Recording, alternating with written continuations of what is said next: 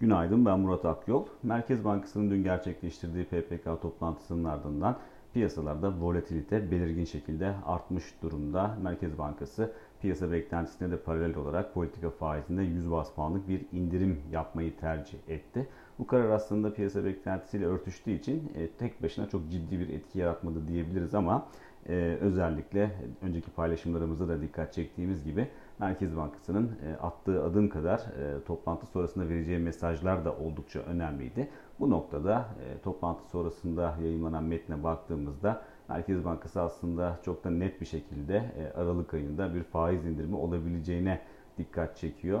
Dolayısıyla hem politika faizinde 100 bas puanlık indirim yapılması hem de Aralık ayına bir kapı aralanmış olması TL üzerindeki baskının belirgin şekilde artış göstermesine neden oldu ki e, kurun dün e, dolar TL kurunun 11.30 seviyesinin de üzerini test etmeye başladığını gördük. Şu anda volatilite oldukça yüksek seyrediyor dolar TL kurunda. Dolayısıyla e, net bir e, yönden, rakamdan bahsetmek çok doğru olmaz. E, öncelikle kurun e, nerede denge bulacağını izlemek gerekiyor. Ama tabii ki e, kurdaki yüksek seviyeler nedeniyle enflasyonun da önümüzdeki dönemde daha yüksek seviyelere doğru hareket etme ihtimali var e, ki böyle bir senaryoda özellikle e, reel faiz baskısından dolayı TL üzerindeki baskının da artış göstermesi çok fazla sürpriz olmayacaktır. Dolayısıyla bundan sonraki süreçte öncelikle kurun nerede denge bulacağını ve enflasyona geçişkenliği ne derece yüksek olacağını